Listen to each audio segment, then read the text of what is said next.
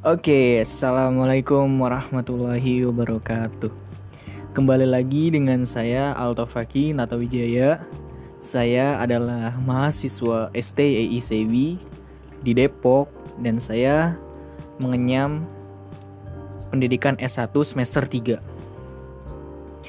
Seperti episode yang sebelumnya, kita itu membahas tentang perilaku konsumen sesuai dengan syariah. Kalau misalkan kalian belum apa belum mendengarkan segmen episode 1 tersebut, kalian bisa mendengarkannya uh, ada di Spotify. Link nanti akan saya berikan. Uh, Oke, okay, di sini kita akan membahas tentang perilaku produsen ya. Kalau yang sebelumnya kita membahas tentang perilaku konsumen, di sini kita akan membahas uh, perilaku produsen. Jadi produsen itu kan seperti yang kita tahuin ya. Pasti kalian udah pernah belajar dari SMP lah ya tentang produsen atau bahkan SD. Kalian sudah mempelajari tentang apa itu yang namanya produsen. Jadi produsen itu adalah seseorang atau sekelompok atau perusahaan yang menciptakan suatu barang bahan mentah atau barang jadi dan kemudian dijual kepada konsumen di pasar di, di pasar pasaran. Uh, seperti yang sebelumnya saya di sini nggak sendiri ya. Di sini kita ada narasumber. Ya narasumbernya masih Revaldo Erlangga uh, pada kesempatan kali ini dia akan membantu saya untuk menjadi narasumber tugas ekonomi mikro Islam. Uh, mungkin seperti biasa ya kita nggak langsung ke materi karena kita ngobrol-ngobrol santuy aja dulu nih ya. Nih, uh, tapi sebelum ke materi gue mau nanya ke lu nih dok. Uh, lu kan teknik nih ya, teknik. Uh, yang namanya teknik itu kan pasti uh, dia tuh menciptakan motor juga motor mobil gitu kan dia ya? Teknik itu ya? Atau sebatas servis aja sih teknik itu? Teknik itu kan luas bidangnya. Ada ada ada di bidang desain ada di bidang manufaktur ada di bidang ya pokoknya luas lah. Jadi mekanik itu itu mah sebenarnya kalau dibilang rendahan gak sih? Rendahan sih enggak cuman proses awalnya itu dari desain dulu. Jadi luas lah mencakup teknik tuh luas sebenarnya oh jadi uh, yang paling dasar itu mekanik lah ya? Yang paling dasar itu mekanik atau das eh desain ya? Desain ya paling dasarnya mekanik. Mekanik ya oh.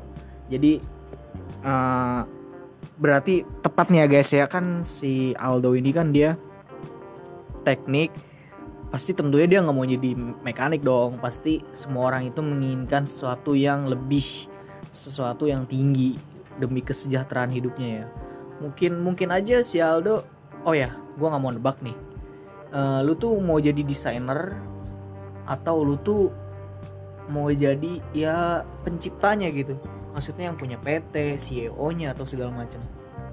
Gua sebenarnya sih uh, udah ini banget sama pengen buat jadi desainer sih gue.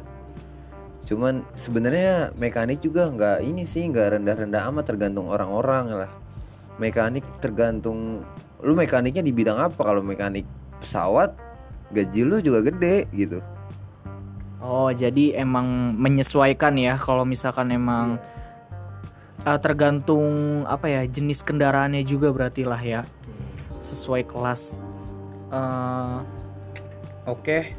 berarti pas nih ya cocok lah ya maksudnya lu masih bisa nyambung nyambung.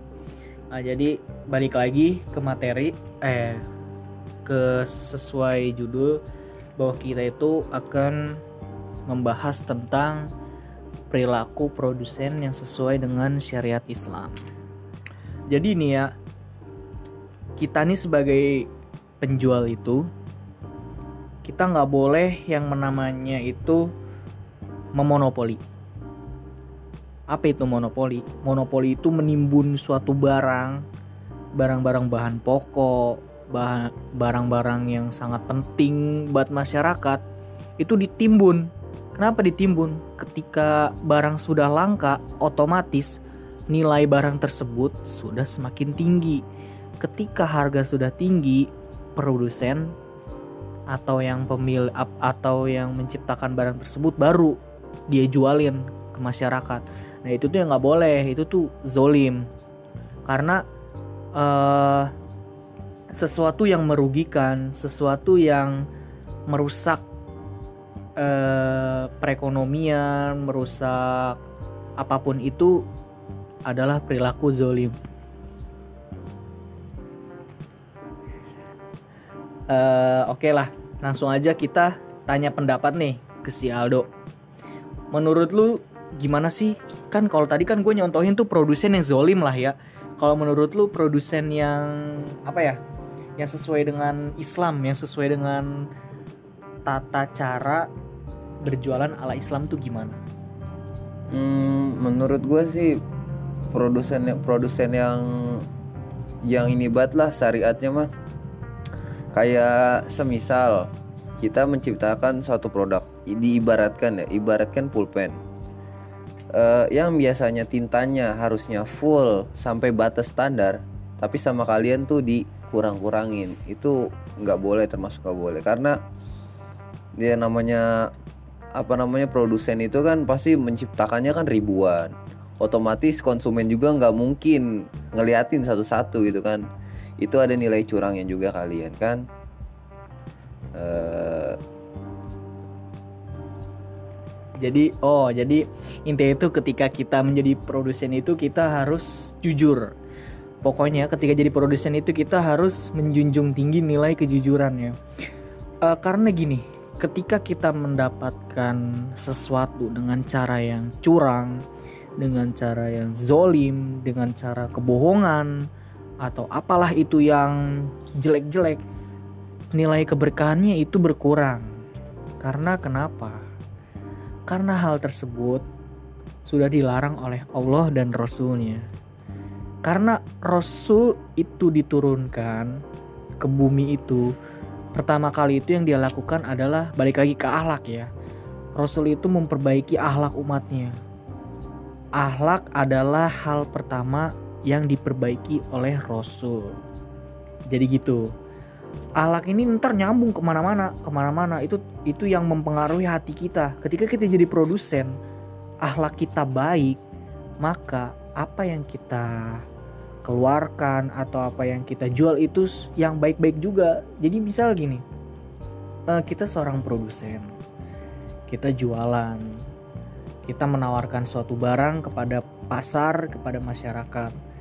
Eh banyak nih konsumen yang tertarik. Otomatis semakin tinggi permintaan semakin tinggi pula harga. Iya nggak? Atau iya. ya kan?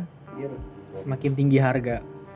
Nah tapi tapi tapi kita itu kan hanya pemikiran konvensional.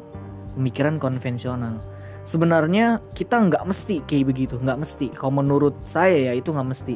Karena ketika kita ingin bersedekah ketika ingin berbuat suatu amal jariah ingin mempermudah urusan saudara-saudara muslim kita yang kekurangan itu kita bisa mengurangi. Karena uh, gini. Lu sebagai konsumen ya dok? Ketika gue jual barang murah lu pasti seneng kan? Senang nah itu. Jadi sebenarnya ketika kita menjual satu barang itu juga kita harus um, apa ya memperhatikan kepuasan konsumen gitu. Ada lagi tambahan gak dari lo nggak ada udah kayaknya segitu aja deh. Oke ya. Uh, mungkin uh, segini aja podcast episode kedua kali ini uh, makasih ya dok udah ngebantu gue nih buat nemenin podcast gue kali ini. Oke, okay, uh, eh, kita tutup. Gue tutup aja dengan ucapan hamdalah, alhamdulillah. Uh, bila hitafiq walidaya wassalamualaikum warahmatullahi wabarakatuh